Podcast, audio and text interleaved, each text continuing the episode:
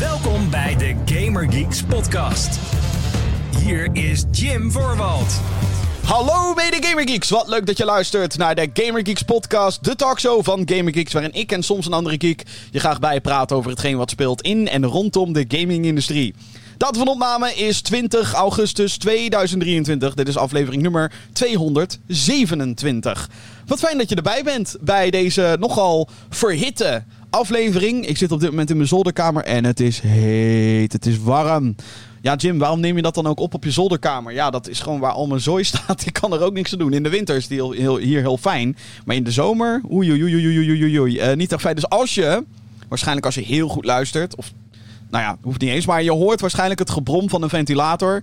Sorry, dat is nou eenmaal eh, even verplicht hier. Want anders dan overleef ik het niet om een uh, aflevering als deze te maken. Ik zit inmiddels ook in de inpak-mode. ik heb het al een aantal keer in deze show gehad over uh, Gamescom. Dat komt er weer aan. En sterker nog, op het moment van opnemen is dat aanstaande week in Keulen, Duitsland. De grootste videogamebeurs van het jaar. Er komen zo'n 200.000 man komt daarop af. Het is gigantisch. Grote hallen met enorme stands. Vol met videogames die je kan zien, dan wel spelen. Um, ik ga daar naartoe met uh, twee medegeeks. En we gaan er zeker ook een podcast opnemen. Hoeveel, dat durf ik even niet van tevoren te zeggen. Want uh, dat hangt er ook een beetje vanaf hoe onze schema's verlopen. Uh, hoeveel energie we nog hebben na het rondlopen, rondlopen, rondlopen. Games spelen, games spelen. Praten, praten, games spelen. van de beurs aflopen. schnitzels eten. En, en dan terug zijn in ons verblijf. Um, ja, dat... Beetje afwachten hoe dat gaat lopen. Maar er komt sowieso een podcast vanaf Gamescom. Maak je daar maar geen zorgen over. Um, dus zou heel erg fijn zijn als je die natuurlijk ook meteen te pakken krijgt. En als je dat wil, uh, dat uh, kan, dan is de beste manier voor jou om te abonneren op deze podcast. Dat kan je doen via alle grote podcastingplatforms waar Gamer, de Gamer Geeks podcast op te vinden is. Denk bijvoorbeeld aan een Apple podcast of een Spotify. Dat zijn tevens ook de platforms waar je recensies op kan achterlaten. Dus mocht je deze show leuk vinden, mocht je al wat vaker terugkomen naar deze podcast, doe dat even.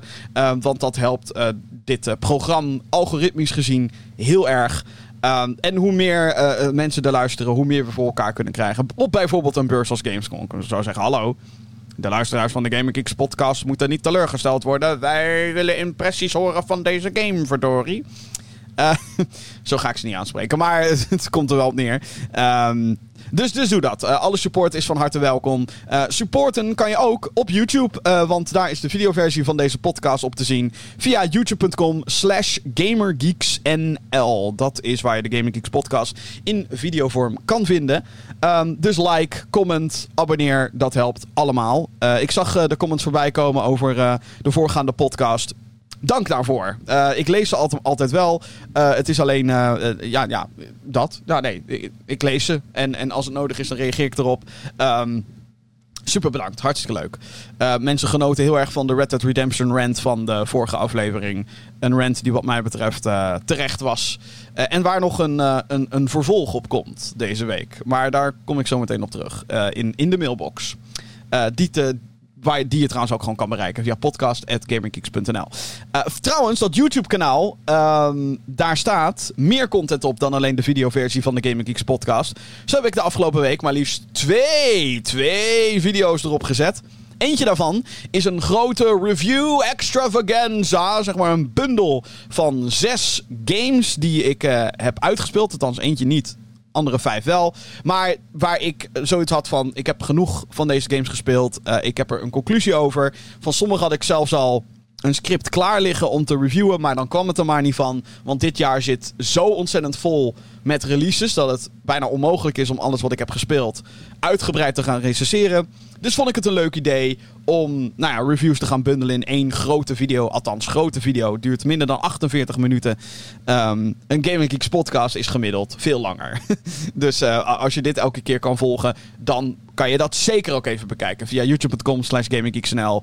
Um, het jaar met te veel games. Een Gamer Geeks review, zo heet het. Uh, daarin bespreek ik dus zes games. Uh, te weten Metroid Prime Remastered, Atomic Heart, Hogwarts Legacy, uh, Have a Nice Death, Dead Island 2 en Redfall. Dat zijn de zes games die daarin besproken worden. dus ga dat checken. Geef daar ook een like, comment, subscribe, al die dingen. dat helpt gewoon heel erg. er is ook nog een andere video online gekomen. Daar ga ik het zo meteen met je over hebben. En dan ga ik het met je over hebben na het korte nieuws. Want ik vind het altijd leuk om de show even af te trappen met wat kortere gaming nieuwtjes waar ik niet super veel commentaar op heb, maar dingen die wel benoemd mogen worden. Uh, dan wil ik graag beginnen met Call of Duty Modern Warfare 3. Uh, in de vorige aflevering van de podcast had ik het al over dat de game onthuld was. Dat er een release datum is, 10 november. Uh, de game komt naar PS4, PS5, Xbox One, Xbox Series S en X en naar PC. Uh, op PC is trouwens, zijn, worden alle Call of Duty's vanaf nu, zeggen ze. Hmm, moeten nog maar afwachten of dat echt gaat gebeuren. Maar Modern Warfare 2 en 3 worden in ieder geval samengevoegd. Als je nu Call of Duty op Steam bijvoorbeeld bekijkt, dan heet het Call of Duty. Het heet niet Modern Warfare 2. Het heet niet MW2 slash Warzone 2.0. Het heet Call of Duty. En als je het opstart, krijg je ook Call of Duty HQ. Dat is uh, nu wat het is. Dus Modern Warfare 3 wordt daar helemaal in geïntegreerd. Uh, je zou bijna kunnen denken dat het uh, bedoeld was als een expansion. Maar Activision beweert echt van niet hoor. Nee, nee, nee. Wij vragen 70 euro omdat het moet. Nee, nee, nee, nee. Het is een volwaardige game, zeggen ze.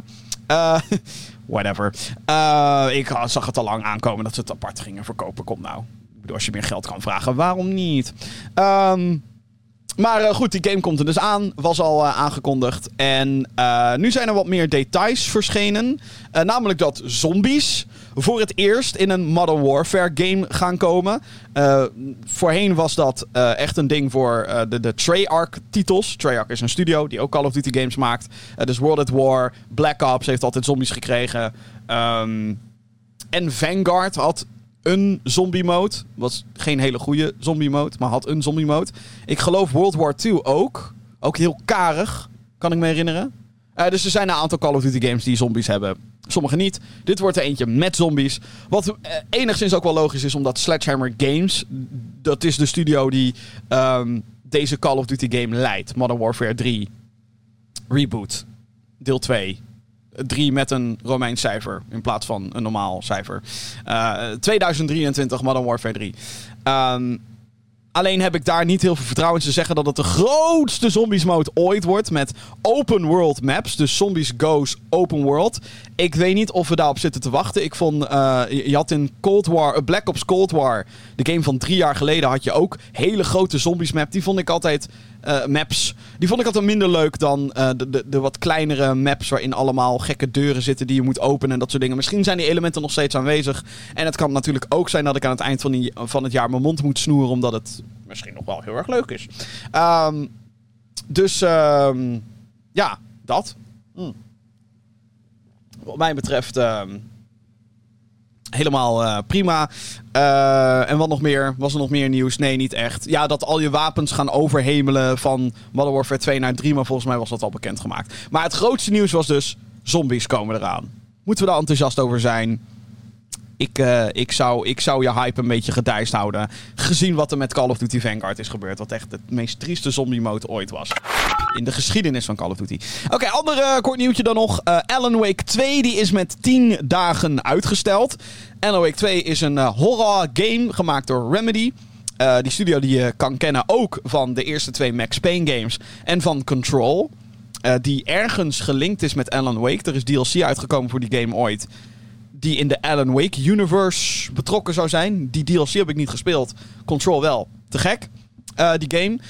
Um, Wake 2 zou eerst uh, op 17 oktober uitkomen. Komt nu 10 dagen later. En dat brengt ons bij een datum van 27 oktober. Komt alleen digitaal uit op PC, PlayStation 5 en Xbox Series S slash X. Er is al wat gameplay her en der uh, getoond. Um, ziet er wel cool uit. Ziet er een beetje uit als... Um, ja, The Last of Us qua tempo meets horror. Meer horror. The Last of Us heeft ook horror elementen in de zin van... Er zijn zombies. Achtige. Er zijn infected. Sorry voordat ik Last of Us fans beledig. Uh, maar uh, het game ziet er heel erg indrukwekkend uit. Ben heel erg benieuwd naar uh, de reden waarom ze het uitstellen. Want 10 dagen is niet echt iets wat qua ontwikkeling zin heeft. Maar... Um, um, hoe heet het? Ze doen het gewoon zodat het strategisch beter uitkomt. Ik weet niet echt waarom. Um, het is, heeft waarschijnlijk te maken, vermoed ik, met Spider-Man 2. Spider-Man 2 komt op 20 oktober. Uh, ja, ga je daar vlak voor zitten? Kijk, dit is vlak daarna. Dit is een weekje na Spider-Man 2. Ik weet niet of dat dan zin heeft. Uh, en nu zit je zeg maar nog dichter op andere grote games. En dat is gewoon... Het na, in het najaar je game uitbrengen is gewoon shit. Het is echt pure shit. Want je, je weet gewoon niet of je ertussen gaat komen van tevoren. Ik zal even voor de gein. Ik zal er even een, een, een releasekalender bij pakken voor dit najaar. Even kijken hoor. Dan ga, ga even naar oktober. Ja, Spider-Man 2 komt op 20 oktober. Super Mario Bros. Wonder komt op 20 oktober. Ehm, maar ja, dat is wel een echt ander publiek, vind ik. Uh, Lords of the Fallen komt op 13 oktober. Hmm. Ja, ik weet dus echt niet of dat weekje extra zin heeft. Oh wel. Ja, 10 oktober komt dan Call of Duty Modern Warfare 3. Je gaat sowieso bij elkaar in de weg zitten. het is altijd in die, in die laatste drie maanden van het jaar. Uh, laatste vier maanden van het jaar. In september begint het allemaal. Zeker dit jaar met uh, Starfield bijvoorbeeld. Um, het is zo ontzettend veel. Het is zo ontzettend veel. Uh, en, en, dit jaar zat al vol met, met videogames. Ik zit ook even te kijken. Oh my god, er komt zoveel. Stronghold, Definitive Edition, WarioWare Move It. Te gek. Star Ocean, The Second Story R. Lijkt me ook vet. Alone in the Dark. Komt trouwens op uh, 25 oktober ook. Jeetje. het is zo ontzettend veel.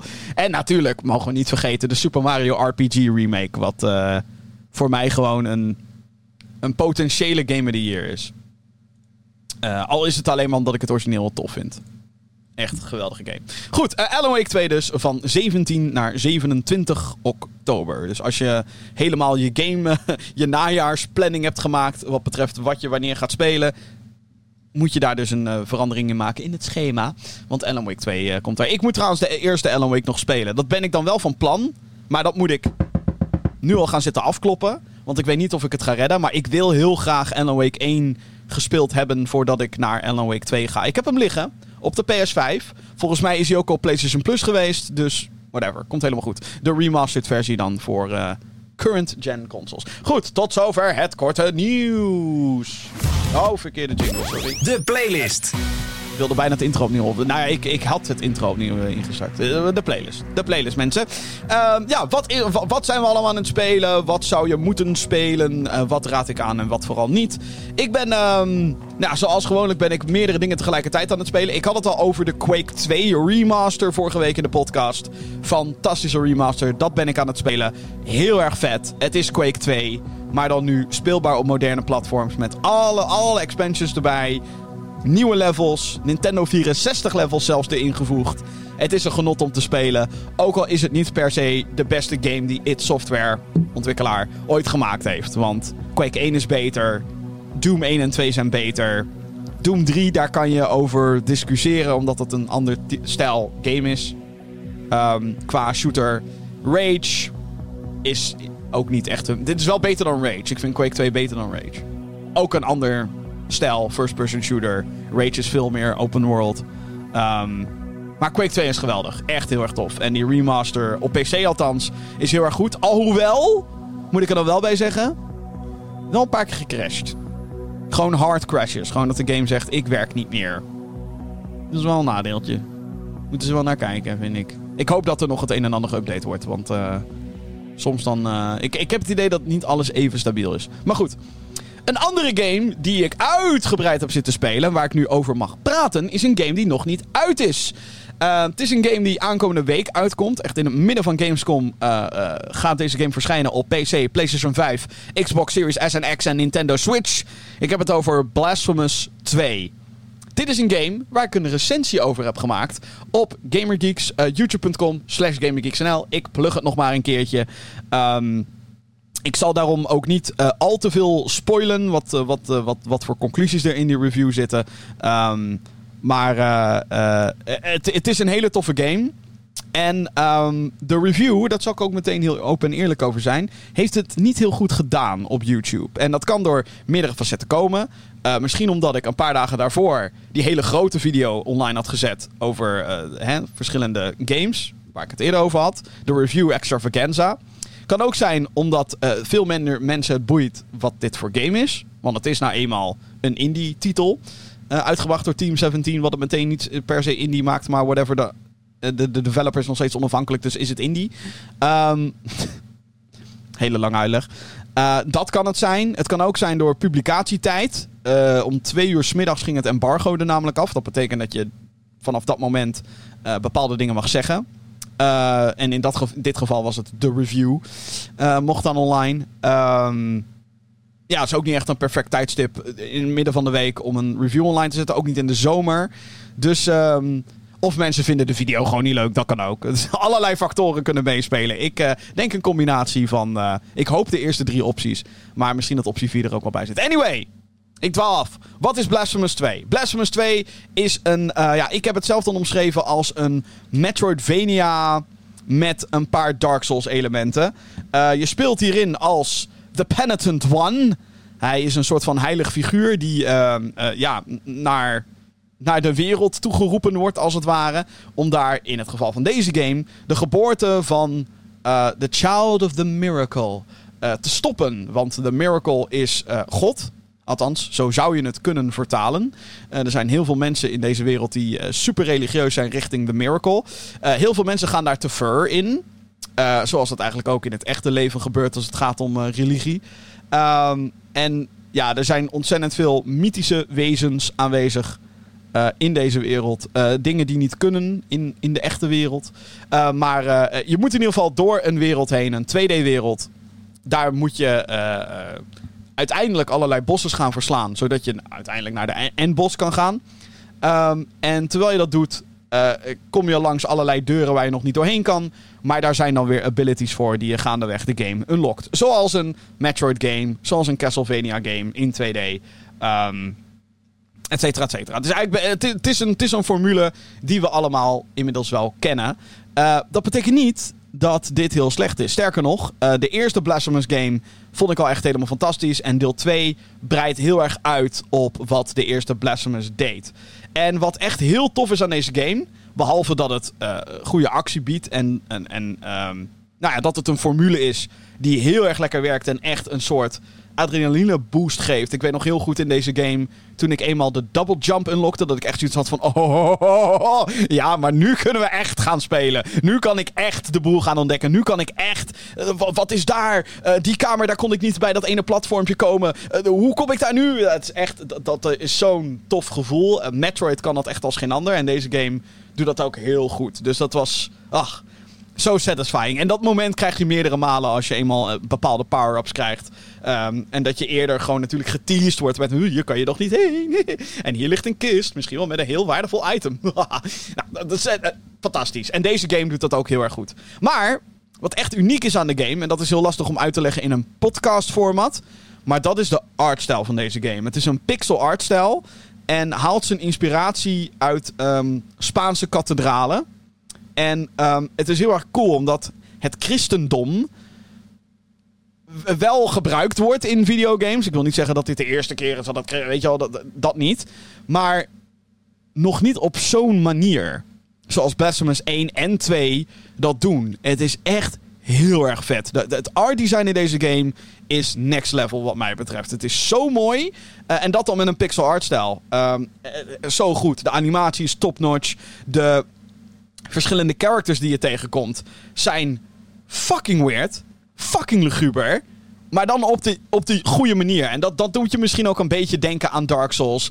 Uh, ook een, al, al, een paar mechanieken als het gaat om de moeilijkheidsgraad hoor. Uh, als je doodgaat, dan uh, resurrecten alle enemies. Of als je naar een checkpoint gaat, resurrecten alle, alle enemies. Je hebt een dodge roll. Uh, je hebt potions die je alleen maar kan verversen door naar zo'n checkpoint te gaan. Et cetera, et cetera. Dus dat zijn die uh, Souls-like-achtige elementen.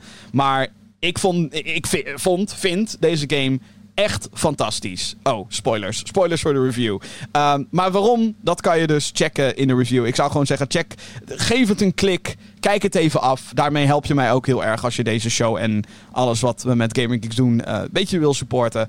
Uh, dan uh, dat zou ik heel fijn vinden. Want ik vind ook dat deze game oprecht meer kliks verdient op YouTube. wat betreft mijn recensie. Um, want ik, ik ja, ja.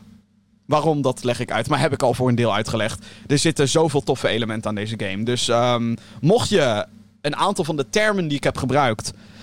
Mocht dat je interesseren, dan zou ik echt zeggen... Geef de kans. De game komt op 24 augustus dus uit. Uh, op PC, PlayStation 5, Xbox Series S en X en Nintendo Switch. Check de review op GamerGeeks. Um, ja, want ik vind dat... Kijk, ik verdien het natuurlijk. maar de game verdient het helemaal. Uh, de guys die deze game. Uh, en girls die deze game hebben gemaakt. Um, ja, dit, is echt wel een game die, die... Het zit ook goed in elkaar, weet je. Nou, kijk de recensie, kijk de recensie. ik, ik zei nog van tevoren, niet spoilen, maar niet gelukt. Eh, wat mij betreft te gekke, te gekke game. Eh, dus ga dat checken, vooral de recensie dus. Op youtube.com slash GamingGeeksNL. De Blasphemous 2 review. Blasphemous 2. Zometeen in de Gamer Geeks podcast. Zometeen eh, gaan we dus het nieuws induiken. Is Rockstar echt alleen maar slecht bezig? Daar is een vraag over eh, binnengekomen via de mailbox podcast@gamergeeks.nl. De Embracer Group, die onder andere THQ Nordic, Deep Silver en Gearbox in handen heeft, die wilde in zee gaan met criminelen. Hoe zit dat? En rest in peace, de Xbox 360 Store. Ja. F- eh, 29 juli 2024 is gonna be a sad day. Nieuws. Maar het nieuws van de afgelopen week. Begin met je bij iets wat ehm, vorige week vrijdag, op het moment van opnemen dan, eh, is gebeurd. Uitgever THQ Nordic heeft namelijk een digitale showcase gehouden. Waarin ze een aantal aankondigingen hebben gedaan. Eh, bij deze hoor je ze op een rijtje. Althans, de eh, belangrijke aankondigingen die wat mij betreft hun aandacht verdienen. Want er werd meer getoond, maar daar heb ik gewoon ook niet zoveel over te vertellen. Nou, boeit ook niet. Anyway, de eerste grote aankondiging was die van South Park Snow Day. Dat is een nieuwe co-op actie-RPG die zich plaatsvindt in de fictionele stad en gebaseerd is op de immens populaire animatieserie. Matt Stone en Trey Parker lijken terug te keren om de personages in te spreken van de animatieserie. Eric Cartman refereert in de trailer naar The New Kid. Wat doet vermoeden dat deze game in ieder geval een link heeft met het eerder uitgebrachte Stick of Truth en The Fractured Butthole. Eh, die zijn beide uitgebracht door Ubisoft. Het grootste verschil is het genre en grafische stijl. In plaats van de 2D-stijl van de serie aan te houden, gaat Snow Day voor een 3D-variant. In 2024 komt South Park Snow Day uit voor PC, Xbox Series S/X, PlayStation 5 en Nintendo Switch. Ja, ehm. dit was. ehm, ik vond dit heel erg underwhelming. Omdat juist de gigantische charme van ehm, de andere twee South Park games door Ubisoft. Dat was dat ze juist de stijl van de animatieserie perfect hadden nagemaakt. Dat je echt het idee had: holy shit, ik ben, ik ben gewoon een, een aflevering of een gigantische film van de serie ben ik aan het spelen. Dit is awesome. En ook met al die personages en dat je letterlijk door South Park rond kon lopen. Dat was gruwelijk. En dan, dan moet ik daarbij zeggen dat ik alleen de eerste heb gespeeld. Maar alles van wat ik heb gezien van de tweede, de Fractured Butthole, te gek. En ja, ik heb, mocht je echt een Gamer Geeks diehard zijn, ja, ik heb de Collector's Edition van de Fractured Butthole nooit gespeeld. Hoe durf ik? Wat, de, wat ben ik in godsnaam aan het doen? Idioot, maar ik heb wel dat Cartman beeldje, die is te gek. Maar dat, die, die stijl was gruwelijk. Dat was zo vet. Dat is wat een groot element was van waarom die games onder andere zo goed waren. En dat gaan ze dan nu wegnemen. Nu gaan ze voor zo'n 3D lelijke stijl. Alsof, alsof je een games, die Nintendo 64 game van South Park. Ik bedoel, het ziet er mooi uit dan dat, obviously. Maar wat de fuck. Ik vind het gewoon. mm, ik weet niet of ik hier heel blij mee moet zijn. En het is overduidelijk dat ze. ehm, ze hebben natuurlijk niet toegang tot, denk ik, de broncode van de Ubisoft games. Dat zou ik heel gek vinden. Maar, ehm, ja, ik denk toch. En ook dat co-op multiplayer RPG. Come on, waarom moet dat nou? Dit wordt een hele simpele videogame. Dat is wat ik verwacht. En ik zeg niet dat The Stick of Truth nou zo'n super diepgaand was. Maar het was een RPG. Singleplayer. Waarin je een party had met characters. Dat was vet. En dit wordt gewoon heel erg generic. Jij bent een wizard en jij schiet vuurballen. En jij bent dan een warrior. Dus jij kan tanken. En het wordt Diablo Uber Light. En dat is het. En dan met een South Park jasje eroverheen. Ik weet niet, maar, maar, dan in de niet zo goede manier. Dus eh, ja, dit was voor mij eh, teleurstellend. Dit was echt. Vond ik heel jammer, dit. South Park Snow Day. Dus eh, ik denk dat THQ dat een beetje heeft vernacheld. Overigens wordt de game gemaakt ook door Question. Een studio waar ik inderdaad mijn vraagtekens bij zet. Geen idee wie dat zijn. Ehm, Dus ja, dat was aankondiging nummer 1. uh, de racing game Recreation kreeg ook een nieuwe trailer. Uh, deze game wordt gemaakt door Three Fields Entertainment. De studio die ook Dangerous Driving maakte. Dat was dan weer een spirituele opvolging, uh, opvolger van Burnout. de beste manier om deze game te omschrijven is als een mix tussen Trackmania en Burnout. Of Dangerous Driving. De game komt mogelijk dit jaar nog uit voor PC, current en last gen consoles. Daar doen ze een beetje vaag over in hun communicatie. Er wordt niet echt een jaar gezegd. Uh, maar ergens werd gesuggereerd dat het nog dit jaar ging worden. Um, ik weet ook niet echt wat ik van deze game moet vinden. Want uh, Dangerous Driving, uh, die, waar ik eerder naar refereerde, was oké. Het was oké als indie burnout vervolg. Als IE het niet maakt, dan moeten andere mensen het maar maken. En een aantal uh, uh, mensen die bij deze studio werken, hebben ook aan Burnout gewerkt. Dus daar ligt dan meteen ook die link. Nou vond ik dat Dangerous Driving heel veel dingen deed die um, Burnout 3 beter deed. En Burnout 3 kwam uit in 2005. Maar ook daarover staat een recensie online. Dit hele Recreation, ik vind het een cool idee om een soort van Trackmania level editor te hebben. Want dat is waar, waar, waar uh, die vergelijking vandaan komt. Het is een, een racing game waarin je zelf levels kan, mag, moet, vraagteken, maken. En ondertussen rijden dus rond met auto's die elkaar helemaal kapot kunnen maken.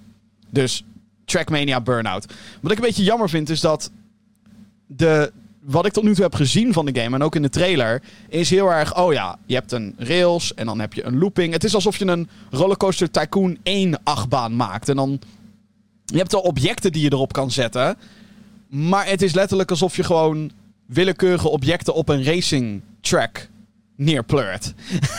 het, het voelt niet alsof je echt een, een tof thema kan maken in, in, in deze trailer. Althans komt dat niet heel erg over. Uh, en ik weet niet of dat wel zo goed was. Uh, daarnaast vond ik ook dat er nogal wat dingen waren van de gameplay. Aan de gameplay van Dangerous Driving. Die ik dus niet heel erg goed vond, per se.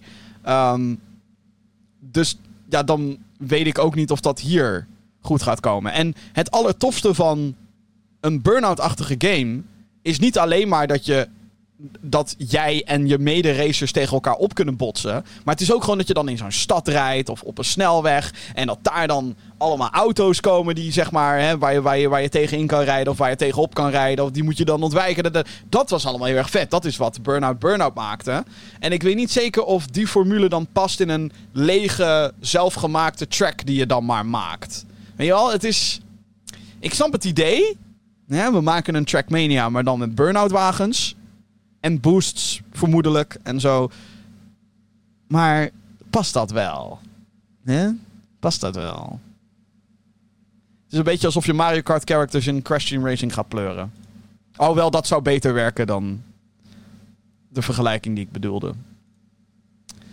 Ja, dat is geen, geen goede vergelijking. Maar eh, ik, ben, ik ben gewoon niet heel erg uh, overtuigd van Recreation. Um, van deze game. En het is daarom extra jammer trouwens. Dit wil ik er even bijvoegen dat THQ Nordic dus dit jaar niet op Gamescom is. Normaal, zijn ze, normaal hebben ze een van de grootste stands. Hebben ze helemaal, ah, deze game is er en deze game is er. Ah, hier kan je doorheen lopen. De vetste stands hadden zij. Echt echt fuck, volledig gethematiseerd. Dus ook al speelde je de game niet, dan zat je er helemaal in. Dat was zo goed gedaan. En dan zijn ze er nu niet. Terwijl ze dan wel zo'n showcase hebben. What the fuck? Is gewoon raar. Vind ik dan. Oké, okay, uh, zal er nog meer trouwens. Uh, Titan Quest 2 is ook aangekondigd. Dit is een uh, action RPG die zich plaatsvindt in een Griekse mythologische setting. veel meer weten we eigenlijk niet over de game. omdat de trailer die dan onthuld werd een CG-trailer is. Dus ja, het is mooi geanimeerd en zo. Maar je hebt er eigenlijk helemaal niks aan. Want ja, het, het, het is CG. Het is geen gameplay. Uh, de eerste Titan Quest die kwam uit in 2006 voor PC. Uh, je kan het een beetje zien als Diablo, maar dan in een Griekse setting dus. Uh, tien jaar later kwam een gemoderniseerde versie van de game naar PC onder de noemer de Anniversary Edition. In 2018 werd de game naar PlayStation 4, Xbox One en Nintendo Switch gebracht. Daarna volgden nog een aantal uitbreidingen. Wanneer Titan Quest 2 uitkomt is niet duidelijk, maar de, de nieuwe game komt dus naar PC, PlayStation 5 en Xbox Series S/X. Ja, dit is een aankondiging die er wel aan zat te komen. Eh, de laatste jaren werd Titan Quest dus nieuw leven ingeblazen door middel van uitbreidingen. Ehm, wat eh, heel erg cool is als een oude game nieuwe content krijgt. Ehm, ik heb Titan Quest nooit gespeeld. Ehm, dus ik zou niet kunnen zeggen of ik super uber enthousiast moet zijn. Uh, maar het feit dat ze nou, ten eerste de game opnieuw hebben uitgebracht na tien jaar. En dat er dus redelijk recent nog, vier jaar geleden of zo, um, nieuwe uitbreidingen aankwamen. En, en dat kennelijk dus succesvol genoeg was dat er een deel 2 komt. Um, dat suggereert toch wel dat de game enigszins. Dat, dat er in ieder geval iets van kwaliteit in zit. Um, dus ik ben heel erg benieuwd. Uh, ga ik ooit de tijd krijgen om deel 1 nog te spelen? Nou, dat is weer, uh, dat is weer is een dingetje. Ja, dat is weer een. Wil ik liever niet over uitwijken over, over mijn schedule als het gaat om videogames. Want drama. Anyway. Uh, als laatste aankondiging werd Teenage Mutant Ninja Turtles The Last Ronin onthuld. Dit is gebaseerd op een zeer hoog gewaardeerde comicboek uh, lijn. Waarin drie van de vier turtles er niet meer zijn. En de laatste die nog over is, uit is op wraak. Wie dat is, dat blijft gedurende het uh, verhaal een mysterie. De game wordt gemaakt door Black Forest Games. Die eerder werkte aan games als Giana Sisters Twisted Dreams. Rogue Stormers. Bubsy The Woolly Strike Back. Uh, de consoleport van Titan Quest. Hey. En de twee Destroy All Humans remakes. Wanneer The Last Ronin uitkomt, dat is niet aangekondigd. Het moet op den duur gaan verschijnen op PC, PlayStation 5 en Xbox Series S/X. Ja, hier was uh, nogal wat hype over. Uh, dit was ook de uh, aankondiging waar THQ Nordic dus echt mee afsloot. Zo van, hé, hey, we hebben nog een fucking vet ding. En dit is het. geen um, gameplay dus ook verder. het wordt, zeggen ze, echt wel... Wordt hier veel geld in gestopt voor hun doen. Um, ik heb er een beetje een, een hard hoofd in. Want ik vind het concept heel vet. Ik heb de comicboek niet gelezen, maar dit is ook wat ik ervan weet. Ik weet ook niet wie de laatste turtle is die overblijft. Uh, het is een super lugubere storyline in dat opzicht. Wat ik dus ook heel erg cool vind. Um, maar die ontwikkelstudio heeft nogal een gemengde reputatie vanuit mij. Kijk, Giana Sisters Twisted Dreams prima. Rogue Stormers was aardig. Die heb ik volgens mij ooit nog gereviewd zelfs. Wacht, Gamer Geeks. Rogue Stormers. Of we alleen een eerste uur over gemaakt. Dat kan ook. Even kijken. Gamer Geeks. Vroeger hadden we op Gamer Geeks een format, dat was het eerste uur. Ja, nee, ook een review over gemaakt. Die duurt 3,5 minuten. Dus dat betekent dat ik er niet heel veel over te zeggen had. of dat was in de tijd dat ik... Uh, dat ik zoiets had van hoe korter een video, hoe beter. Dat is op YouTube ook al uh, veranderd, denk ik. Um, is inmiddels ook lang geleden hoor, dit. Dus whatever. Maar Bubsy the Woolly Strike Back heb ik ook gereviewd. Kut game. Echte kut game. Saai. Ongeïnspireerd. Shit. Klote spel. Destroy All Humans remake schijnt er dan weer leuk te zijn. Dus, uh, maar kunnen zij dan een project als dit handelen, zeg maar? Kan, kan je... Hè? Kunnen ze dit? Zeker als je helemaal gaat zeggen, oeh, maar dit is, als de hooggewaardeerde comicboeklijn is, dit is zeg maar het ding van Teenage Mutant Ninja Turtles wat mensen te gek vinden buiten de originele animatieserie om. Um, ja, succes, I guess. Ik weet het niet. Al met al, de THQ Nordic Digital Showcase. Er waren nog wat andere dingen ook in deze showcase. Um, en sommige dingen waren gewoon fucking weird. Zo hadden ze twee trailers voor de Alone in the Dark remake, reboot, remake, reboot. Ik noem het een reboot. Het is een nieuwe game. Um, David Harbour speelt daarin de hoofdrol van Edward Carnby. David Harbour kan je kennen als Hopper uit Stranger Things. En zit inmiddels ook in de MCU en allerlei andere rollen en zo. Maar voor, voornamelijk Stranger Things is die bekend van. Um, en wat ze deden, is dat ze dus twee trailers hadden. Eentje aan het begin van de showcase en eentje aan het einde. En daarin zag je, in de eerste zag je dus eh, David Harbour praten. Gewoon alleen maar in een, in een zwarte ruimte. Uh, er stond een spot op hem. En uh, dat was het. Zeg maar. Dat was zijn. Dat was de trailer. Terwijl. Het, het was bedoeld als een soort van showcase van kijk.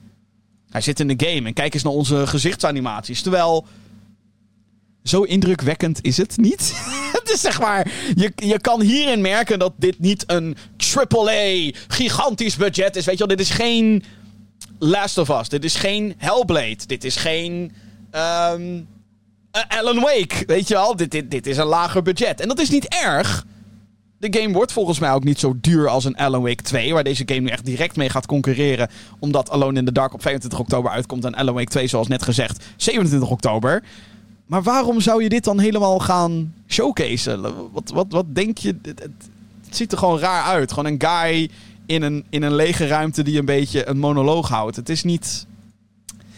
Ik snap wat dat betreft de marketing niet heel erg goed van THQ Nordic. Terwijl ik denk, als je gewoon de game laat zien... en laat zien dat het tof is om te spelen... gewoon een stukje gameplay, dat is, bereik je zoveel meer mee, wat mij betreft. Je moet niet tech gaan show. Je moet niet een technical showcase gaan doen van een game die technisch gezien niet heel indrukwekkend is. En waarvan je ook weet dat het niet heel erg indrukwekkend is.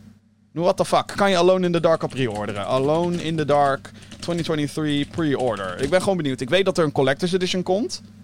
Um, even kijken hoor. 55 euro. Zie ik hier. 60 euro. 55, 60 euro. Dus bijna full price. Niet helemaal.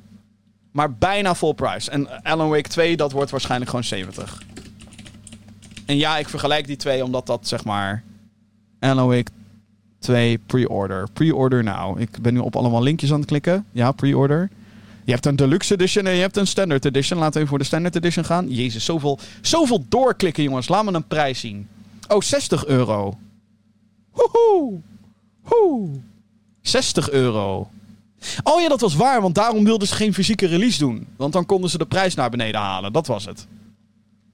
Uh, of althans, naar, naar beneden houden. Nou, op 60 konden ze het houden. Wauw. Uh, en de Deluxe Edition dan? Even kijken, pre-order. Wat is de Digital Deluxe Edition? Die is 80 euro. En dan krijg je skins. En de Expansion Pass. En wat daarin gaat zitten, dat weten we dan nog niet. Oké. Maar goed, daar concurreer je mee. en Alan Wake 2 ziet er veel indrukwekkender uit. Ik denk, als ik THQ Nordic was, zou ik kijken of die prijs nog een beetje naar beneden kan. Dat die 40 euro wordt of zo, of 45. Want dan zit je echt in een andere prijsklasse. Waardoor denk ik ook de uh, receptie beter wordt. En dat, dat klinkt heel lullig. En ik, ik wil echt niet zeggen dat Alone in the Dark ik bedoel, voor hetzelfde geld is Alone in the Dark straks een, een, een, een geweldige game. Waarvan ik zeg: holy shit, dit is gewoon veel beter dan ik had verwacht. Bla Ik hoop, ik ben ook echt wel benieuwd naar die game. Van wat ik heb gezien qua echt gameplay, denk ik: ja, cool. En, en, en ik ben dan ook wel. Het is zo'n franchise waar ik nostalgisch voor ben, zonder dat ik daar een reden voor heb. Het is gewoon gedurende. Al sinds dat ik ben begonnen met gaming volgen dus Power Limited lezen en dan naar die eerste paar gekke websites gaan en gametrailers.com helemaal in de gaten houden en zo. Weet je wel, dan je reviews over Alone in the Dark 2008. En dan is dan, dit was ooit een legendarische franchise. En dan krijg je een hele retrospective te zien van Alone in the Dark. En dan denk je, wauw, ik zou willen dat ik een keer, hè, dat, dat, dat dit weer soort van relevant werd. Omdat het vroeger was het relevant, dus nu misschien ook. Anyway, met dat soort prijzen en als je daartegen gaat concurreren, oei. Misschien moeten ze het zelfs nog uitstellen. Dat zou misschien een slimme zijn. Dat ze gewoon zeggen, weet je, we gaan tegenover Alan Wake 2. Wij gaan in januari releasen. Zou veel veiliger zijn. Dat, uh, en daarnaast was er ook een uh, trailer voor Tempest Rising. Dit is een real-time strategy game. Uh, mede mogelijk gemaakt door 3D Realms. Een uitgever die retro geïnspireerde games ook uitbrengt. En um, Tempest Rising is zeg maar Command Conquer. Maar dan niet CNC, maar spirituele opvolger, zou je kunnen zeggen. Um, ze hebben ook een gameplay preview hebben ze online gezet. Die heb ik gespeeld. Uh, ik, heb die niet, ik had die niet in mijn playlist staan, omdat ik het er hier even over kon hebben. Het is gewoon een eerste tutorial missie waarin je een paar units commandeert over een, een speelveld heen. En daarna aan het eind van de missie krijg je een basis. Uh, dan kan je dus een powerplant bouwen, een refinery, een barracks. En als je dan die barracks hebt, dan kan je in een menu rechts van het scherm kan je units uitpoepen. En elke keer als er dan een unit komt, dan hoor je unit ready. En als er eentje doodgaat, unit lost. Unable to comply. Building in progress. Gewoon die standaard command- en kanker zinnetjes zitten hier weer in. Dus het is echt een, een, een, een spiritueel vervolg daarop. En dat doet het redelijk. Eigenlijk best wel cool. Het enige wat ik echt jammer vind is... Uh, in de command- en kanker games had je dan dat een acteur voor een greenscreen stond... die dan jou eh, jouw eh, leidinggevende speelde. Tim Curry bijvoorbeeld in eh, Red Alert 3, wat heel erg grappig was, want die guy is- was zo erg. Die was zo. Sovjet-Unie, helemaal belasten. Helemaal gestoord. Maar dat was juist heel grappig. Mm. Het had een soort campy gevoel, had het. Ehm, ze hebben dit keer geen acteurs. Ze hebben gewoon een, een in-game character die dat doet. En dat vind ik ergens wel jammer. Het had wel geinig geweest als, er, als ze gewoon acteurs voor een greenscreen hadden gezet. Hoef je, je hoeft geen Hollywood-talent dan ook in te huren of zo. Gewoon acteurs. Gewoon mensen die dat enigszins kunnen en die het met, met wat cheese eh, kunnen, kunnen, kunnen brengen. Anyway, dat is dan weer een wishlist. Ehm, maar Tempest Rising speelde wel aardig. Maar met slechts zo'n met alleen zo'n simpele missie vind ik het heel lastig om nu al een oordeel te geven van wat het nou is. Want het is echt een missie die nog geen 20 minuten duurt. Dat vind ik wel jammer. Wat mij betreft hadden ze één skirmish map erin mogen gooien. Waarin je in ieder geval een, een substantieel aantal units kon bouwen en voertuigen. Nu had je echt maar toegang tot vier units of zo. En eh, eentje was de healer, eentje was de infantry. Weet je wel, dat, dat, dat soort shit. Heel erg standaard, sorry. Eh, dus ja, de THQ Nordic Digital Showcase. ehm viel het mee? Was het goed? Stelde het teleur? Ik ehm, ben een beetje gemixt erover. En dat... eh, het ligt er maar net aan wat je altijd verwacht van dit soort showcases. Is altijd zo. Ik had, nog, ik had wel echt gewoon nog iets van Alone in the Dark verwacht. Dat ze hadden gezegd, yo, deze gameplay, dit, is de game, dit moet je zien. Pre-order nou, babababam. Zat er niet in. Het was alleen maar mensen in een, in een lege ruimte die praten. Oké. Ehm, South Park Games zag gewoon niet heel goed uit. Ehm, en voor de rest is het erop of eronder. Ehm, ja, het was... Ja. Het had veel beter kunnen zijn, laat ik het zo zeggen. Dus, tot zover de THQ Nordic Digital Showcase samenvatting en meningen en, en zo. Gaan we door met ehm, Embracer Group. Eerder dit jaar werd namelijk duidelijk dat Embracer Group een investering mis had gelopen van rond de 2 miljard dollar. En dan gaan we even uit van Amerikaanse dollar. Dit leidt ertoe da- dat de partij, die onder andere THQ Nordic, hallo, eh, Saber Interactive, Gearbox en Playon in handen heeft, meerdere games moet gaan annuleren en studio's moet gaan sluiten. Lang werd gedacht dat Microsoft slash Xbox wellicht een van de partijen zou zijn ehm, die deze investering zou maken. Maar dat is, dat is iets wat meteen ontkend werd door zowel Embracer als Xbox. Steven Totillo van Axios.com, die is erachter gekomen. En dat heeft hij dus gepubliceerd in een artikel. Savvy Games Group zou namelijk deze investering doen. En je hebt er nog nooit van gehoord. Ehm, dat zou kunnen kloppen. eh, want dit is een onderdeel van het investeringsfonds van Saoedi-Arabië. Die dan weer in handen is van diezelfde overheid. Een overheid die meerdere mensenrechten schendt. Zoals het gebrek aan rechten voor vrouwen. Stelselmatige discriminatie, executies en lijfstraffen. Zonder een eerlijk rechtssysteem. Saoedi-Arabië heeft al een aantal investeringsrondes gedaan in de gaming-industrie. Zo bezitten zij 96% van de aandelen in SNK, een Japanse uitgever en ontwikkelaarsgroep bekend van onder andere Fatal Fury, Metal Slug, Samurai Showdown en King of Fighters. Ehm, gaming is een mooi iets. Er zijn natuurlijk nadelen. Ik denk zeker dat ehm, je nu merkt dat als je naar bepaalde communities kijkt binnen gaming, eh, dat sommigen het heel erg somber inzien. Je kijkt bijvoorbeeld naar Blizzard en eh, hoe Overwatch 2 totaal niet lekker gaat. Hoe mensen het gedoe rond die game zat zijn. Diablo 4 gaat niet lekker. Alle updates die ze uitbrengen, die eh, brengen meer woede op dan... ja, hoe noem je dat? Dan verlichting. wat betreft die game. Dus dat gaat niet lekker. En dan komt die hele discussie op gang met... Het gaat allemaal over fucking skins. Het gaat over battle pass. Het gaat alleen maar daarover. En dan heb je aan de andere kant van het spectrum... heb je Baldur's Gate 3. Weet je wel? Een game die zegt... Geen microtransactions. Geen battle passes. Niks van dat soort shit. We hebben hier gewoon een game. Die hebben we gemaakt. Zeker, we gaan nog updates uitbrengen... om eh, bijvoorbeeld de performance te optimaliseren en zo. En da, da, da. Maar dit is de game. En het is een game met ontzettend veel diepgang. Schijnt. Ik heb zelf niet gespeeld, maar van wat ik overal eh, hoor. De gekke game. Op allerlei fronten. Subliem schrijfwerk. Geweldige gameplay. Et cetera, et cetera. E- En ook meteen een van de best scorende games op Steam ooit. Het zij Larian gegund. Fantastisch. Dit is een donkere kant van de industrie waar niet vaak over wordt gepraat. En dat is de investering die gedaan wordt in bepaalde partijen. China is heel veel aan het investeren. Tencent heeft, die neemt studio na studio na studio na studio over. Betekent niet dat ik per definitie ehm, dan zeg, oh, dat wil ik nooit spelen, weet je wel. Uh, het, dezelfde controversie kregen we een beetje met Atomic Heart eerder dit jaar. Dat is een studio die gevestigd is in Rusland. Dus mensen zaten meteen zo van, als je die game koopt, dan steun je Rusland. Uh, het ligt iets gecompliceerder dan dat. Uh, en ik zeg natuurlijk niet dat getalenteerde uh, ontwikkelaars uit China niet per definitie hun geld mogen verdienen met het uitbrengen van games. Ik bedoel, natuurlijk mogen ze dat. Um, maar dit is heel erg. dit is een directe lijn naar de overheid van Saoedi-Arabië. Een overheid die niet goed is. Corrupt, mensenrechten schendingen, alles. Ik zou zeggen, zoek even op uh, uh, Saoedi-Arabië, Amnesty. En natuurlijk, Amnesty heeft wat dat betreft dat, die kant van het verhaal. Maar je leest daar dingen die verschrikkelijk zijn. En die niet meer thuis horen. Nooit hebben thuis gehoord. nooit hebben thuis gehoord op deze planeet. Maar zeker niet in 2023. Fuck off. Zij hebben SNK zo goed als in handen. En zij wilden dus 2 miljard investeren in Embracer. Sorry.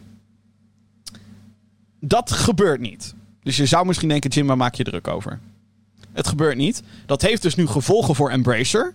Omdat ze er kennelijk van uitgingen dat deze deal rond zou komen. Waarom het niet rond is gegaan.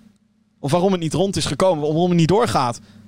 Weten we eigenlijk niet echt. Ik heb dat artikel gelezen. Maar een beetje vaag allemaal. Welke kant heeft nou nee gezegd? Wat, waar kwamen de twijfelingen nou vandaan? De twijfels vandaan? Ik mag hopen dat een paar mensen bij Embracer op den duur wakker werden en dachten... Willen, willen we, willen we like, geld van deze mensen aannemen? Willen we dat? Really? Ik denk van wel.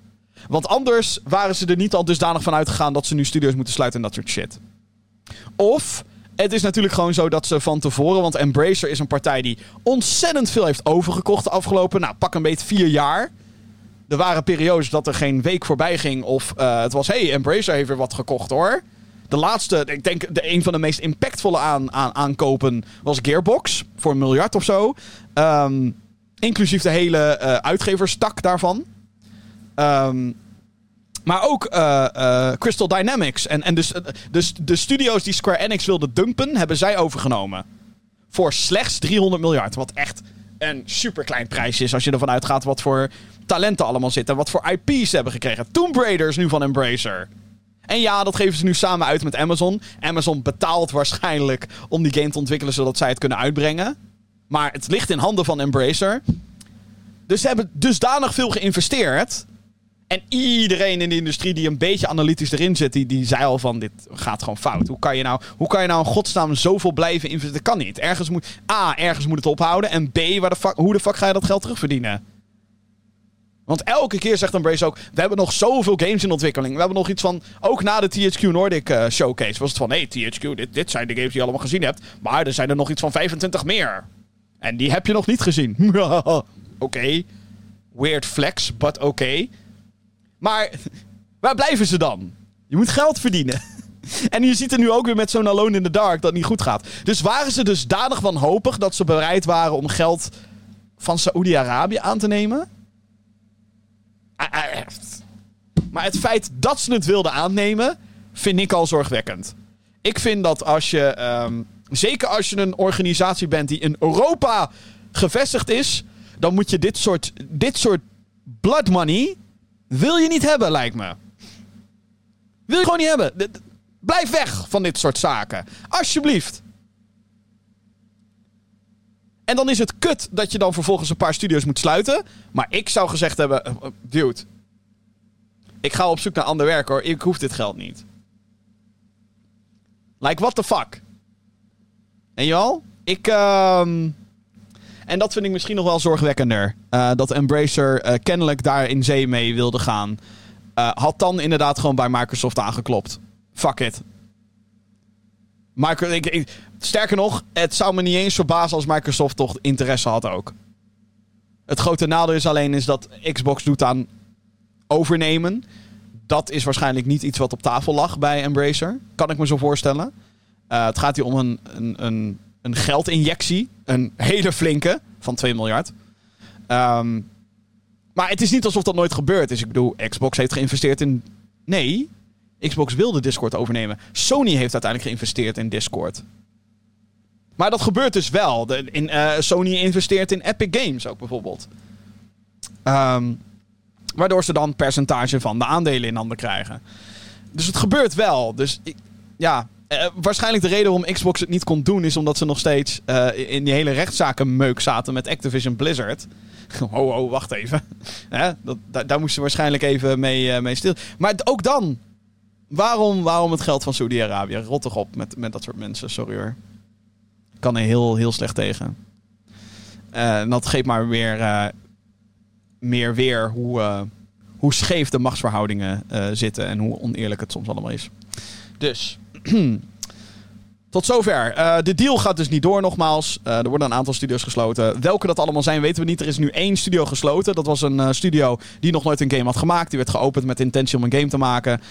die waren pas een jaar bezig. Dus dat is dan ook het makkelijkste tussen aanhalingstekens om die te sluiten.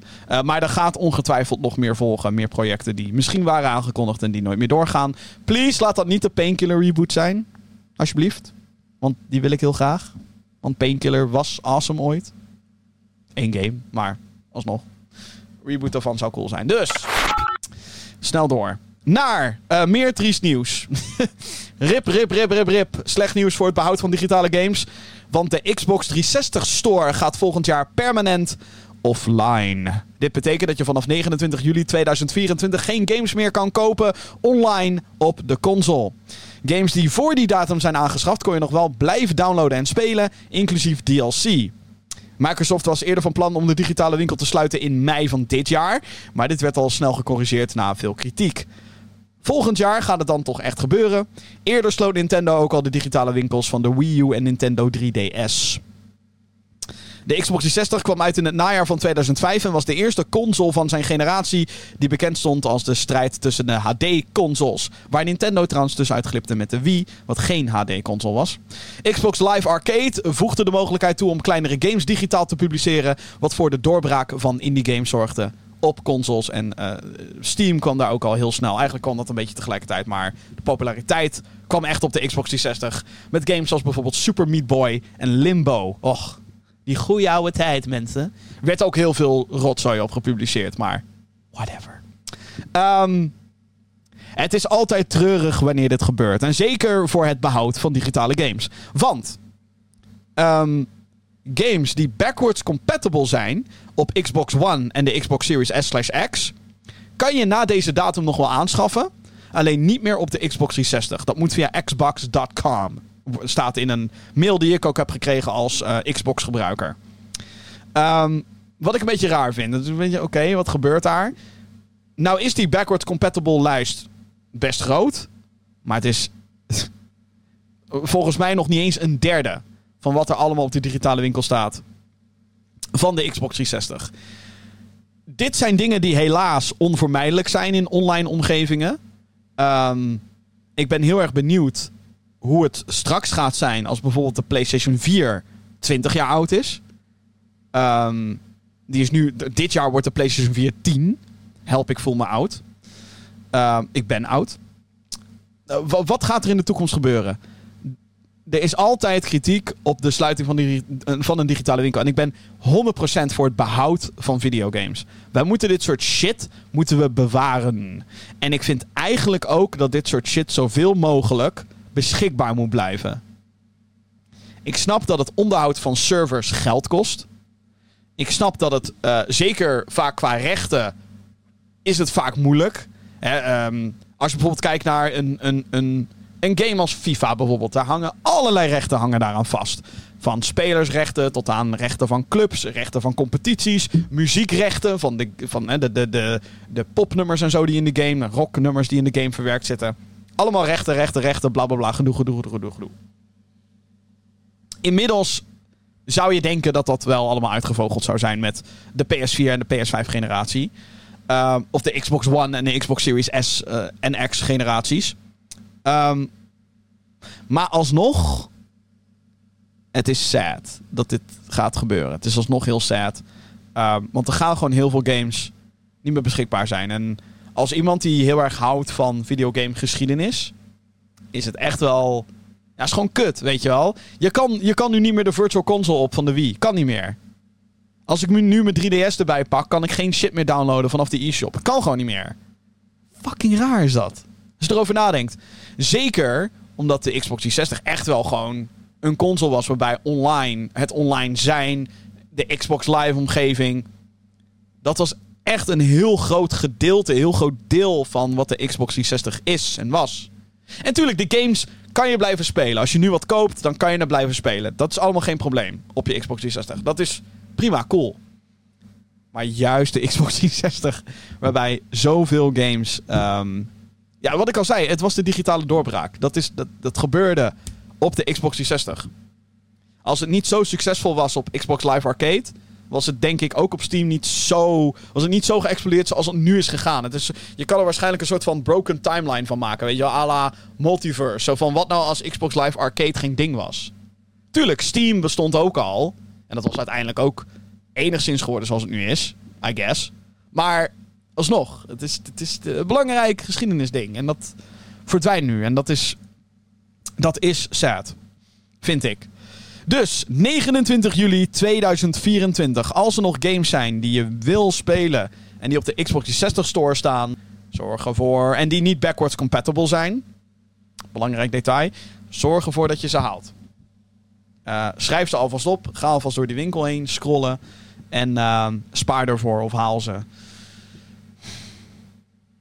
Zou de Duke Nukem 3D release nog op Xbox 360 staan? Ik weet dat dat best wel een toffe poort was. Duke Nukem 3D Xbox 360. Ik weet dat nog zo goed. Ja, die staat er nog. 9,49 euro. Hmm. Duke Nukem 3D op de Xbox 360, dat vond ik iets magisch. En Doom 2 op de Xbox 360 weet ik ook nog wel. Doom op de Xbox. Was wow, Doom in HD, wat? oh my god. Uh, nu, nu al nostalgie. Uh, ik wil Dead or Alive 4 eens een keer spelen. Oh, ik dwaal af, ik dwaal af, ik dwaal af. Uh, snel naar het laatste nieuwsbericht van deze aflevering van de podcast. Um, uitgever Ubisoft heeft bekendgemaakt dat Assassin's Creed Mirage goud is gegaan. Dit houdt in dat de game in principe af is en dat de discs geprint gaan worden. Uh, naar alle waarschijnlijkheid verschijnt er dan alsnog een day one patch. Want het ontwikkelen houdt gewoon niet op op het moment dat, op het moment dat een game quote-unquote af is. Um, maar de game is dus goud gegaan. En om dit nieuws te vieren is de release date aangepast. Niet naar achter, maar naar voren. Daar waar 12 oktober eerst op de kalender stond, is dat nu 5 oktober. In Assassin's Creed Mirage speel je als Basim, of Basim, een assassin uit Bagdad. Het wordt gemarket als een terugkeer naar de oude stijl van de serie, waarin stealth een grote rol speelt in de gameplay. De game komt nu dus 5 oktober naar PC, PlayStation 4, PlayStation 5, Xbox One en Xbox Series S/X. Als iemand die uh, groot liefhebber is van de oude stijl Assassin's Creed games, Assassin's Creed 2 en Brotherhood zijn naar mijn mening nog steeds de beste Assassin's Creed games. Uh, en die zijn inmiddels heel oud. Um, ik vind het heel cool uh, dat het gebeurt. Uh, mijn grootste kritiekpunt op de game is wel dat Bazim kennelijk een of andere move heeft waardoor hij kan teleporten en mensen kan neerhalen. Doe dat nou niet! Dat is dom, dat is gaar. Maar voor de rest ziet de game er eigenlijk best wel cool uit. En um, het is ook een kortere Assassin's Creed game. Ubisoft heeft er ook over gezegd van... joh, je hebt, pff, wat is het, 20 tot 30 uur nodig om echt alles te doen in de game. Dus uh, ga je gang. Het is geen Odyssey, het is geen Valhalla. Valhalla heb ik nog steeds niet uitgespeeld. Daar heb ik al meer dan 100 uur in zitten en nog steeds niet uitgespeeld. Veel te grote game voor wat het is. Um, maar het ziet er best wel cool uit. Het is best wel... Ja, gewoon die oude st stilo is leuk. Um, dus dat is tof. Het is overigens ook niet de eerste keer, dit jaar zelfs, dat er een game naar voren wordt geschoven. Um, het is namelijk uh, al eerder gebeurd met Dead Island 2. Die zou eerst februari uitkomen. Toen werd hij uitgesteld naar april. En daarna hadden ze gezegd, we komen een weekje eerder. En dat had dan weer te maken met Star Wars Jedi Survivor. Ze hadden zoiets van, vermijden die zooi. Niet op dezelfde dag uitkomen. Wij komen wel een week eerder. Baldur's Gate 3 heeft het gedaan. Uh, die zou eerst in september uitkomen. Toen zagen ze dat Starfield ook in september uitkwam. En toen hebben ze de zeer wijze beslissing gemaakt om te zeggen: Weet je wat, we releasen in augustus. En dat heeft ze heel veel windeieren gelegd. Um, dus. Uh, ja, en, en een weekje maakt dan in die zin ook niks meer uit. Behalve als je nog wat extra verkopen daar enigszins mee kan regelen. Want nu uh, zijn ze ja, ik weet niet, waar, zouden ze eerst mee conflicten eigenlijk? I guess met Alan Wake 2. Uh, dan pak ik de releasekalender er weer bij. Uh, Alan Wake 2 zou dan eerst op uh, 17 oktober uitkomen. even kijken hoor. Ja, dan zit je met, met, met 12 oktober zit je dan toch enigszins dichtbij Spider-Man. En Super Mario Brothers. Alhoewel dat dan denk ik een minder grote rol speelt. Hmm. Nou goed, 5 oktober. Assassin's Creed Mirage. Ik ga kijken of ik er tijd voor heb. Want het kan ook zijn dat ik uh, op dat moment weer met andere games bezig ben. Je weet het nooit. Maar bij, bij mij weet je het nooit aan mijn tijd. Oh man. Heb jij een vraag voor de show? Nou. Mail naar podcast.gamergeeks.nl Gaan we naar de mail. Podcast.gamergeeks.nl Als jij een vraag hebt voor deze show of in deze show of een discussiepunt. Mail. Podcast.gamergeeks.nl Jouw suggesties zijn van harte welkom. Mailtje van Servando. Hoi Jim en misschien mede geek. Nee, in de, in de Gamescom podcast uh, krijgen we sowieso weer, uh, krijg ik weer uh, gezelschap. afgelopen podcast, dus aflevering 226, was je flink boos op Rockstar en terecht ook met de shit die ze hebben gedaan met Red Dead Redemption. Voor de context, er is nu een poort verschenen van Red Dead Redemption 1. een game die 13 jaar geleden uitkwam. Ze hebben helemaal niks gedaan om de game te verbeteren en vragen er 50 euro voor. En eigenlijk als soort van woede-uitbarsting heb ik uh, op Marktplaats uh, voor nog geen 15 euro de game op Xbox 360 gehaald. Met de expansion erbij, die ook in deze 50 euro editie zit. En met multiplayer. Iets wat niet zit in de Nintendo Switch en PlayStation 4 versie van 50 euro. Fuck you, Rockstar. Fuck you. Anyway. Servando zegt in zijn mail. Alleen, ik wil ze deze keer ook een compliment geven en ook jouw mening hierover. GTA 5 uh, is op zichzelf best dood. Het enige wat de game nog levend houdt is de gemodde versie 5M. Dat is GTA Roleplay. Natuurlijk vinden de studio's gemodde versies van hun games nooit leuk. En gaan advocaten erop zetten. Als bijvoorbeeld uh, Call of Duty met SM2 alles van de beste COD games in één game gegooid. Oké, dat is ja.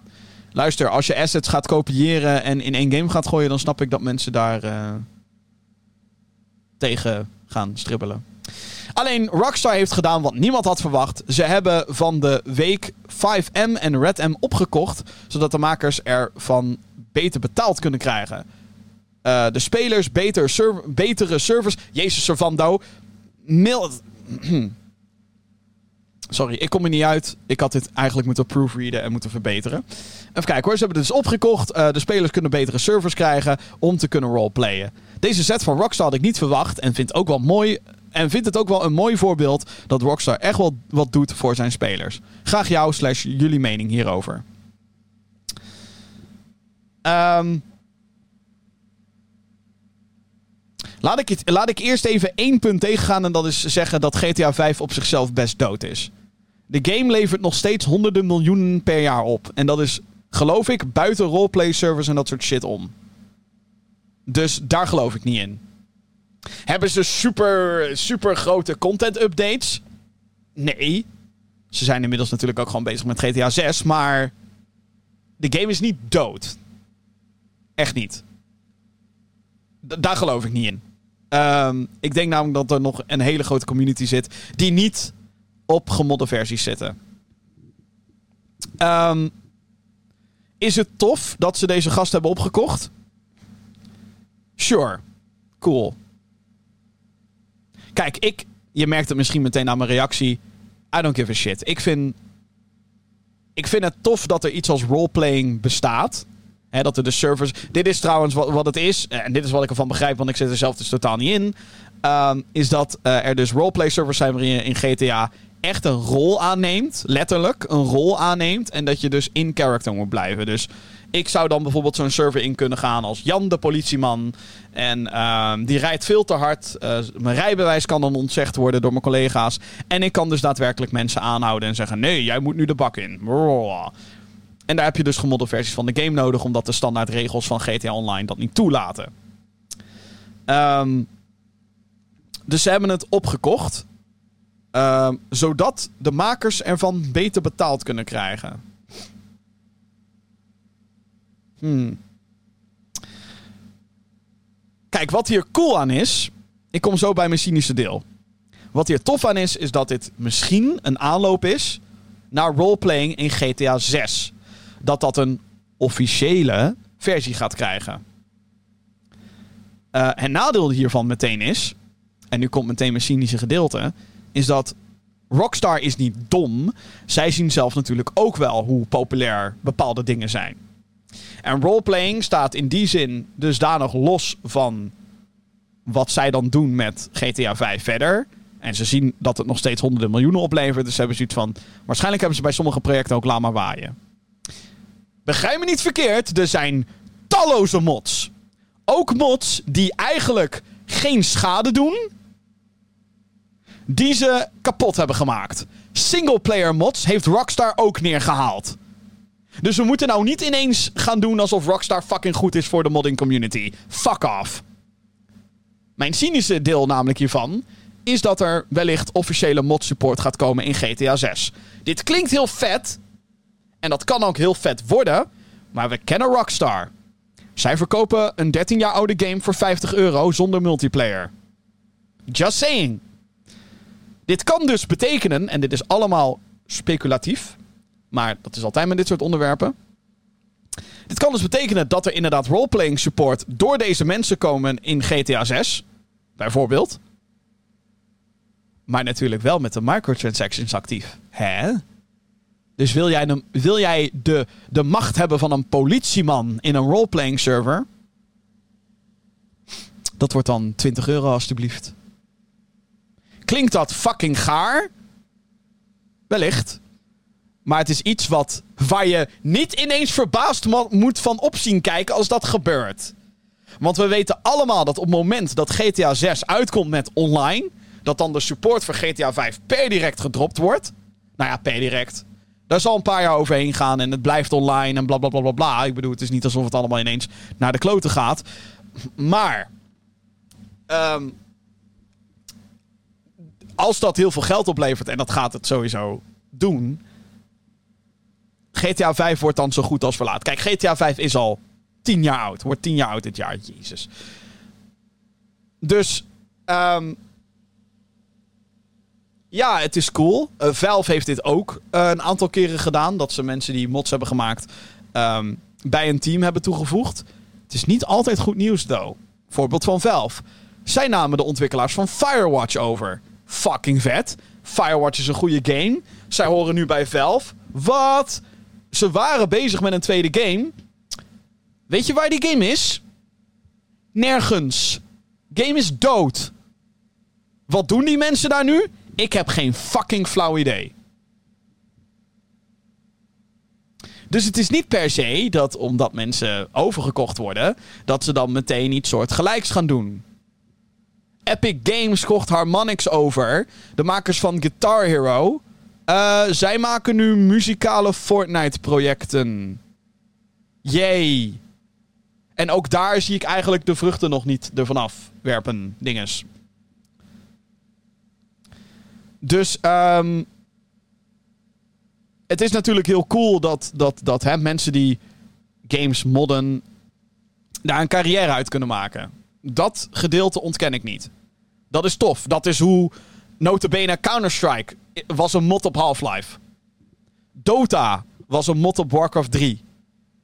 Een aantal van de allertofste dingen in gaming ooit komen van mods vandaan. Ik zeg niet dat het. Dat, maar mij boeit het geen fuck. Dat, de, dat is trouwens de, de, de, uitgangspunt. Dat, dat wilde ik zeggen. Waar ik vandaan kom. I don't give a shit. Ik roleplay niet. Ik vind het awkward.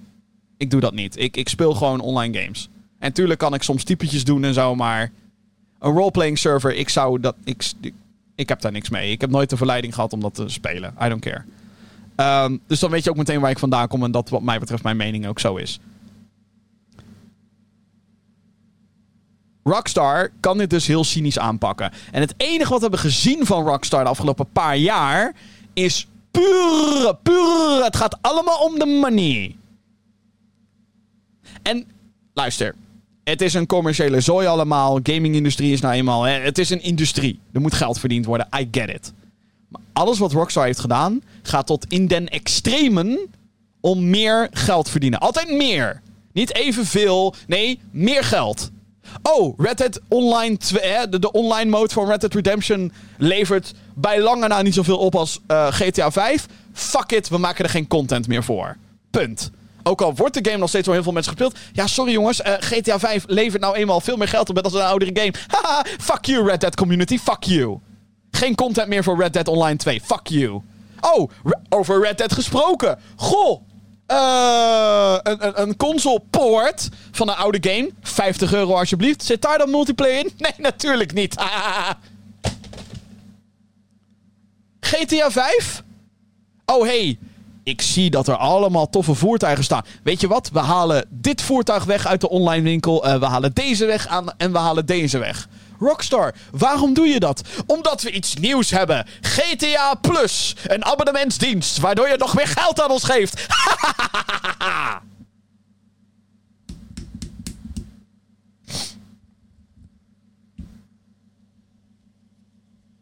Wij houden van onze oude GTA-games. Oh, wij vinden GTA zo belangrijk. Dus weet je wat we gaan doen? Oh, jongens, fans, oh, zet je schrap. We gaan iets geweldigs doen. We gaan GTA 3 GTA Vice City en GTA San Andreas in één bundelen. En wij noemen het de GTA Trilogy Definitive Edition. Oh ja, en we hebben een uh, studio erop gezet die eigenlijk alleen maar de mobiele ports heeft gedaan. Ze hebben amper budget gegeven, want ja, het is best wel een klus toch wel. Weet je wat? Gebruik AI upscaling. Komt vanzelf goed, toch? Zal vast geen buggy teringzooi worden. en weet je waar dat vandaan kwam? Die release van GTA Definitive Edition Trilogy, whatever uit pure greed. Hebzucht. Sorry als ik nu een beetje cynisch overkom. En dus naar moves als dit eigenlijk alleen maar kijken om er meer geld uit te halen. GTA 6 paid roleplay. Het gaat gebeuren. En deze mensen worden er nu opgezet, want ze zijn nu van Rockstar. Tuurlijk, dat is speculatief. Maar kijk even naar de recente geschiedenis van Rockstar en trek daaruit je eigen conclusies. Moet ik dus Rockstar hiervoor een compliment geven? Nee. Nee. Doe ik niet. Omdat ik nog niet weet wat het resultaat hiervan gaat zijn. We hebben het vaak genoeg gezien. Inmiddels. Zeker bij Rockstar. We moeten eigenlijk nog maar afwachten of GTA 6 überhaupt goed wordt. Want tuurlijk, het wordt een van de meest geanticipeerde games ooit. Het wordt, weet je, het wordt een big deal. Dat gaan we allemaal niet ontkennen. Maar wordt dat de grote live service GTA? Daar waar GTA 5 ook al heel erg veel live service, maar die zijn erop geplakt. Wordt GTA 6 niet gewoon gedesigned met gewoon live service, make more money erin gebouwd? Ook allemaal speculatief. I know. Maar nogmaals, kijk naar de recente geschiedenis. En met deze kennis, kijk nou naar deze aanschaf. Ze zijn nu van Rockstar. En die GTA 5 servers zullen wel online blijven, ja. Sterker nog, ze kunnen inderdaad misschien betere servers krijgen nu, nu ze een soort van budget hebben. Maar denk je nou echt dat het daarbij gaat blijven? Denk je echt dat Rockstar deze gasten wil opkopen zodat, zodat ze dat kunnen blijven doen? Bullshit. I call bullshit. Jij weet het. Ik weet het. Laten we nou niet ineens gaan doen dat omdat er net negatief nieuws is, dat dat nu uitgebalanced moet worden met goed nieuws vanuit Rockstar. Ga ik nu ook meteen GTA 6 afzeiken op het moment dat het wordt aangekondigd? Nee.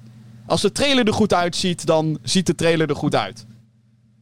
Hè, als er een single-player campaign in zit die fucking lauw is, dan is die single-player campaign fucking lauw. Of althans, dat is dan ook weer subjectief, maar dat kan. Dat gaat allemaal niet veranderen. Maar, en nu klink ik als een cynische eikel. En ik weet het. Maar ik heb zo vaak gewaarschuwd tijdens deze podcast. In 227 afleveringen lang al. Zeker met dit soort partijen. Zeker met dit soort partijen. Hoe vaak hebben we inmiddels wel niet apologies gezien? En van die standaard berichten. Oh, we doen het voor de community. Oh, de community geeft ons feedback over de community. Uiteindelijk gaat het om meer geld verdienen. En uh, ik zit inmiddels in de, in de sceptische mode dat deze move van Rockstar niets meer is dan een manier om dat voor elkaar te krijgen met waarschijnlijk GTA 6 in het achterhoofd. Denk er nu nog maar een keer over na, Servando. Niet om jou af te zeiken per se. Maar eh, per se, gewoon niet om jou af te zeiken. Waarom zou ik je willen afzeiken? Ja, behalve dat je beter naar de spelling van je mailtjes moet kijken. Maar dat is een andere, ander verhaal. Um, maar. Ja, dat. ik heb gezegd wat ik wilde zeggen. Goed. Um, heb je ook een discussiepunt voor in de podcast? Heb jij een vraag voor de show? Of een vraag? Mail naar podcast.gamergeeks.nl ik zou zeggen, uh, doe dat. Vooral uh, mailtje sturen naar podcast.gamergeeks.nl. En daarmee zijn we aan het einde gekomen van deze 227e aflevering van de Gamer Geeks podcast. Ik wil jou bij deze hartstikke bedanken voor het luisteren. Vergeet dus niet te mailen. Als je op YouTube zit, vergeet niet te, te liken en te commenten en te abonneren op het YouTube kanaal. Mocht je op een podcastplatform op dit moment zitten luisteren, abonneer dan op deze show of follow op Spotify heet dat dan bijvoorbeeld. En kan je een recensie achterlaten op Spotify en Apple Podcast kan dat bijvoorbeeld. Doe dat vooral als je deze natuurlijk leuk vindt. Um, en um, ja, dat, dan, dan, dan ben ik je heel erg dankbaar. Sowieso ben ik heel erg dankbaar dat je het tot zover hebt gered. Dat je hebt zitten luisteren naar deze 227e aflevering van de Gaming Geeks podcast. En ik zie je hopelijk heel graag een volgende keer.